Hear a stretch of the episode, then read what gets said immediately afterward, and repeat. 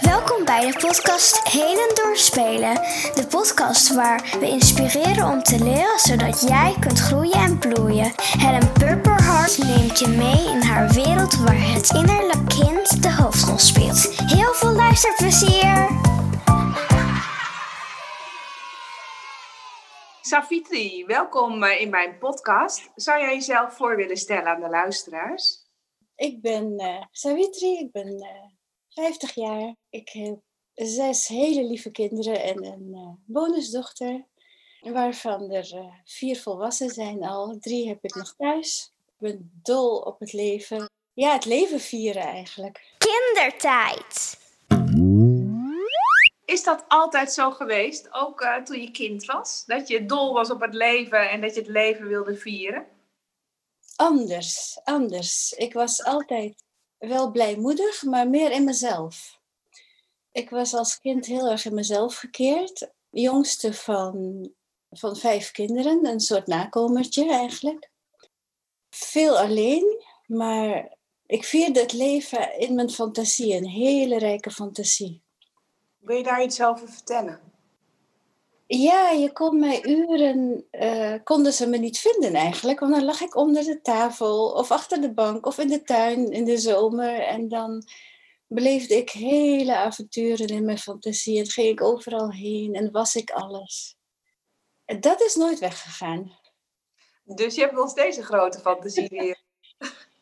Ja, ja, dat heeft zich omgezet ehm, naar een soort spirituele wereld, waarin ik in, in meditaties eigenlijk mijn reizen maak. Als kind al eh, begon ik te mediteren, is nooit opgehouden. Het heeft zich omgezet naar, naar, naar spirituele reizen, zeg maar, in andere dimensies, ontmoeten van mijn begeleiders en mijn engelen en, en dat soort avonturen. En wat ontmoette je dan in je kindertijd? En waar reisde je naartoe?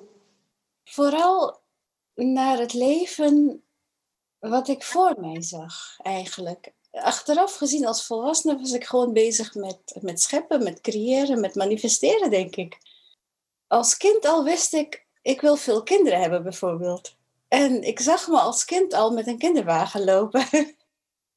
en daarnaast ging ik, ja, ik was als kind natuurlijk niet in veel landen geweest. Ik kwam op de meest vreemdsoortige plekken met eh, hele mooie natuur, veel bloemen, bomen. En ja, ik ben nog steeds dol op de natuur. Dus. En deelde je deze fantasiewereld ook met anderen? Nee, nee, dat was echt van mij. Spelen. En als je wel met andere kinderen speelde, wat speelde je dan? Ik was veel alleen. Bij ons vroeger was het ook niet zo dat er speelafspraakjes werden gemaakt. Het spelen was vooral binnen de familiekring met neefjes en nichtjes. En daar opende ik mij nooit voor. Dat was meer een spel als, ja, wat speel je als kind? Vadertje, moedertje, en dan, of, of, of jij bent de koning, ik ben de prinses. Toch wel dat soort uh, rollenspellen. Vertelt dat je uit een gezin komt van vijf kinderen. Speelde je ook met je broers en zussen? Ik had een hele goede band met mijn broer, zeven jaar ouder. Hij is inmiddels overleden, twee, drie jaar geleden, twee jaar geleden. En daar was ik echt twee handen op, mijn op, op één buik mee. Daar speelde ik wel mee, maar meer in de zin van spelletjes. Ik speelde graag spelletjes met hem. En Ja. was je naast het creëren van je eigen droombeeld nog ergens anders goed in? Ik heb mezelf leren lezen op mijn derde. En je kon me ook vanaf een jaar of vier heel regelmatig in de bibliotheek vinden met mijn broer. Ik mocht natuurlijk niet alleen gaan. Stapels boeken verslond ik. Ik tekende graag, doe ik nog steeds.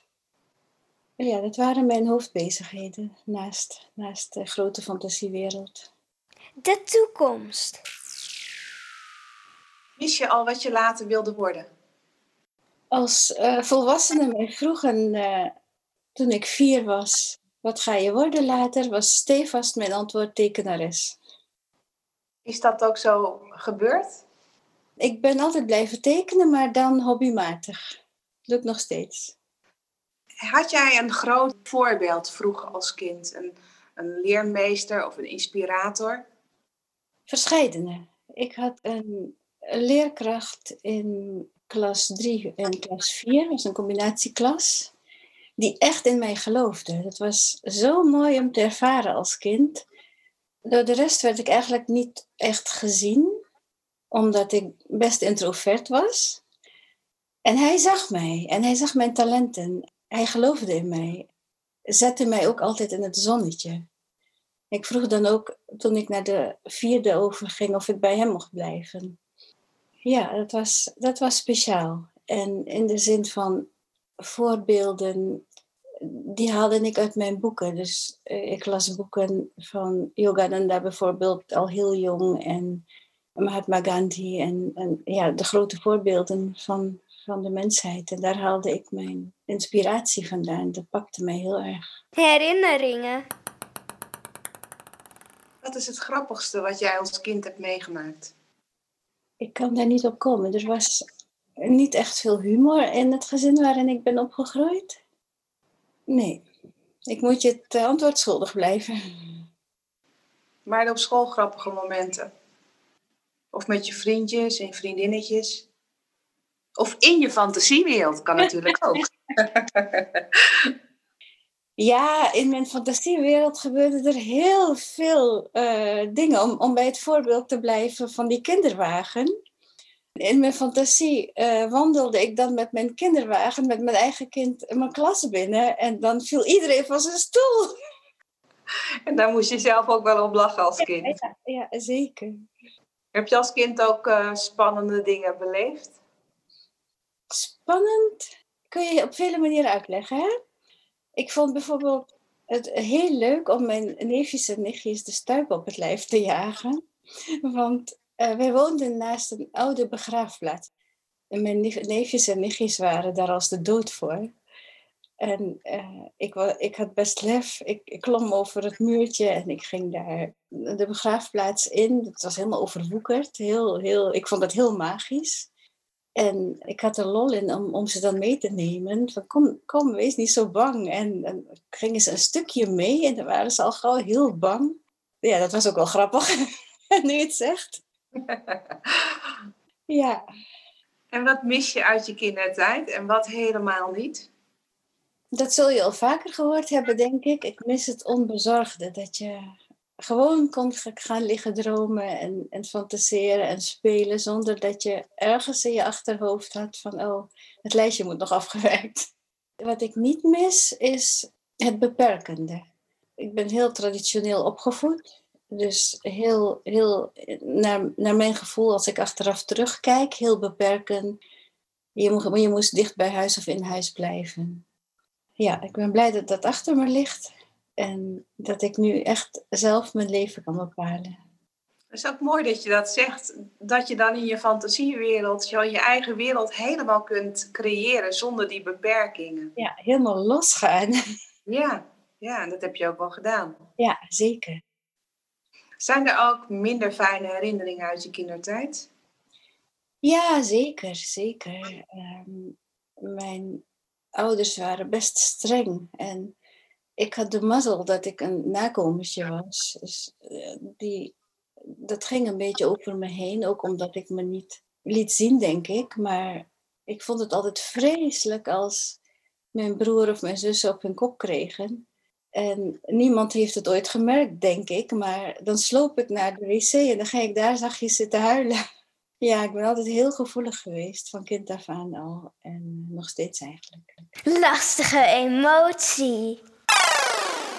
Welke emotie speelde dan vaak een rol op dat soort momenten? Verdriet vooral. Verdriet en mededogen, compassie. Ik voelde het haast zelf. Dus um, niet zozeer dat ik me bewust ging inleven, maar wat dan over hen heen kwam, het was alsof ik het zelf ervaarde. Dat was heel grappig, misschien een leuke anekdote. Um, ik ben ook heel jong vegetariër geworden in een vleesetend gezin. En kwam ik als vijf, zesjarig kind kwam ik de keuken binnen als mijn moeder aan het koken was. En dan zag ik haar bijvoorbeeld een, een, in een vis snijden, wat ze van de markt had, zo'n hele vis. Dat kon ik niet aanzien. Dan kreeg ik echt kotsneigingen, want ja, hoe kun je in zo'n lichaam gaan snijden? Als klein kind rende ik de keuken uit. Of als ze een, een kip had en ze was met, een, met zo'n hakmes uh, in zo'n poot aan het hakken. Ik voelde het echt in mijn eigen been. En dan zei ik ook, mam, hoe kun je? En uh, vaak joeg ze me dan de keuken uit. Die momenten dat je dan uh, naar het toilet ging om zachtjes ehm, dat voor jezelf te verwerken, hè, verdriet. Ja. Um, stel dan voor dat er hulp op dat moment voor jou zou zijn. Wat had je dan nodig? Als ik naar de beleving van toen kijk, dan zou ik willen dat mijn zus en mijn, mijn zussen en mijn broer niet zo hardhandig werden aangepakt. Dat dat zou stoppen. Dus echt de, wat er fysiek gebeurde. En als je naar het kind kijkt, dat daar niemand had en zat te huilen, ja, een volwassene die, waarbij je je getroost voelt, waarbij je gezien voelt, waarbij je je emoties en gedachten kwijt kunt. Hoe ga jij nu op dit moment om met uh, emoties en dan speciaal verdriet? Ik laat alles komen. ik houd niks binnen. Alles mag er zijn. Alles mag er zijn. En dat probeer ik ook mijn kinderen mee te geven. Alles mag er zijn. En hoe uit je dat dan? Als ik wil huilen, huil ik. Als ik wil lachen, lach ik. Als ik wil dansen, dans ik. Het, uh, ja, ik, ik doorleef het heel intens. En dat voelt voor mij ook als een deel van het leven zelf. Puberteit. Wat voor soort puber was je? Introvert. Ik deed heel sterk mijn eigen ding. Niet dat ik heel erg de ruimte had om, om mijn eigen gang te gaan, maar heel sterk op mezelf. En ben jij ook in verzet gegaan tegen je ouders? Nee, helemaal niet. Sterker nog, um, ik werd, toen ik 17 werd, het was gangbaar, werd er een man voor me gezocht. En op mijn 18e verjaardag ben ik uitgehuwelijkt. Ja, terugkijkend, maar dat is altijd achteraf, denk ik wel eens van ja, daar, daar had best wel wat meer verzet in, in mogen zitten. Ook wel het begrip van nee, in zo'n ontwikkelingsweg met zo'n jeugd had je dat niet van jezelf kunnen vragen. Dus ik heb mezelf daarin ook al lang gegeven. En dat is een levenslang proces geweest, Helen. Dat is echt een levenslang proces geweest om het stukje bij beetje te maken. Het is ook een, een, een zwaar proces geweest. Het is een, een leven van ups en downs geweest, maar die me wel heel veel heeft gebracht. Heel veel verrijking, heel veel lessen. En die heeft gemaakt tot wie ik ben nu. En ik kan zeggen, volmondig en vanuit mijn hart, dat ik nu echt ben wie ik zijn wil. En dat ik leef hoe ik wil leven. Um, ik ben helemaal los van die wereld. Helemaal los. Had je wel die wereld nodig om te worden wie je bent? Het heeft me gemaakt tot wat ik ben. Nodig weet ik niet. Het heeft ook veel pijn veroorzaakt, maar het heeft me ook wel diepgang gebracht. Ik heb een eigen praktijk in uh, chakra healing. Ik coach mensen en ik ruim oude trauma's, oude blokkades op. Uh, blokkades die in de chakras zitten. Trauma's manifesteren zich in de chakras. Ik denk dat ik dat kan zijn en dat ik dat kan doen door wat ik beleefd heb allemaal. Ja, wel zeker. Missie en visie. Wat is nu je missie in het leven? Wat wil je uitdragen in de wereld? Love, love, love. Liefde is mijn grootste missie. En, en voor volwassenen en zeker ook voor kinderen uh, heb ik echt een missie. En dat is leven vanuit het hart. Volg alsjeblieft je hart, mensen. Ga, ga voelen, ga zitten. Laat even alles los. Alles wat, wat anderen van je willen, anderen van je denken, anderen van je vinden. En ga naar je hart. Kijk wat daar is. Voel wat jij graag wilt doen in het leven. Voel wat jouw zielspad, wat jouw levensbestemming is. En ga dat doen. Want dat kan echt. Dat is mijn missie. Ik heb ook schoolverlichting gedaan. Ik ben begonnen met schoolverlichting te geven op basisscholen. En ja, daarin kan ik die missie heel mooi neerzetten. Naar kinderen toe op de basisschool. Mijn missie is daarin om, om het kind terug te brengen naar, naar het hart, naar zijn of haar eigen hart. Eigen gevoelens, eigen missie. Contact te brengen met, met zichzelf. Ja, en dan ontvouwt het leven zich wel. En uh, daar word ik enthousiast van er zijn ook, ook ideeën met een paar hele lieve mensen hebben spontaan ook het idee gekregen om dit ook voor pubers te gaan neerzetten. Om pubers in deze tijd hebben dat zo nodig om teruggebracht te worden naar hun eigen innerlijk, naar hun eigen hart, om te voelen wie ze nou zijn, waarvoor ze hier nou zijn, waarvoor ze hier rondlopen op onze mooie aarde. En hun eigen, hun eigen zielspad te kunnen volgen. De toverspreuk. Stel nou eens voor hè, dat je kan toveren. En dat is voor jou niet zo moeilijk om dat voor te stellen, geloof ik. Met zo'n grote fantasiewereld. Um, naar welke leeftijd zou je jezelf dan terugtoveren? En wat zeg je tegen dat kleine meisje van toen? Ja, een jaartje of zes, denk ik. Waarin ik wel zo dat heb durven neerzetten van nee, ehm, dit wil ik niet. Ik wil niet die lichamen van een ander gaan opeten. Ik wil vegetariër worden. Dat ik dat stuk, als ik terug kon gaan, dat stuk levendig houden in mezelf. Eh, wat ik nu terug heb gevonden overigens hoor, maar het is een tijd lang weg geweest. Dat stuk mijn eigen hart kunnen volgen. Zonder daar de oordelen van een ander te, in, in te laten meewegen. Zo zwaar laten meewegen dat ik van mijn eigen zielspad ben, eh, was afgeraakt. Van meisje, hou dat vast. Hou dat vast, volg je hart. Dat zou ik dan tegen mezelf zeggen. Nou, dat klinkt ook als een hele mooie toverspreuk. Ja, zeker. Meisje, meisje, hou vast, volg je hart. Ja, absoluut. Het dilemma. Als je zou mogen kiezen, altijd kind zijn of altijd volwassen zijn, wat zou jij kiezen? Zijn zoals ik nu ben. Ja, de, de volwassene die, die haar vrijheid heeft gevonden, die haar zielsmissie leeft, met met het kind in zich. Ik, heb, ik voel absoluut elke dag het kind in me nog steeds. En ik leef mijn kind. De speeltip.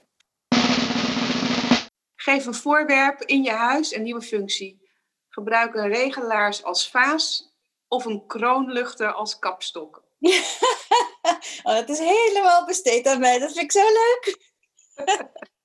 Komt er dan meteen een voorwerp op in je gedachten? En nee, het enige wat in me opkwam was gisteren heb ik uh, twee, twee kleine spiegeltjes aan elkaar vastgeplakt in een hoek. Um, daar heb ik wat, wat schelpen en steentjes en kraaltjes bij gezet en wat stiftjes. En daarvoor een, een papiertje. Dus als je daar dan een vormpje in legt of met stiften iets tekent, dan zie je door middel van die spiegel alsof het rond is. Ah. Heel mooi, heel leuk. Dat vinden ze ook heel leuk. Dus dat soort dingen doe ik al vaker. En daarin heb ik, doe ik het eigenlijk al. Dingen gebruiken waar ze niet voor bedoeld zijn. Dus dat kwam in me op. Dan heb ik nog een laatste vraag voor jou. Waar geef jij jezelf een applaus voor? Dat ik, ondanks de diepe dalen in mijn leven, mezelf weer heb mogen terugvinden.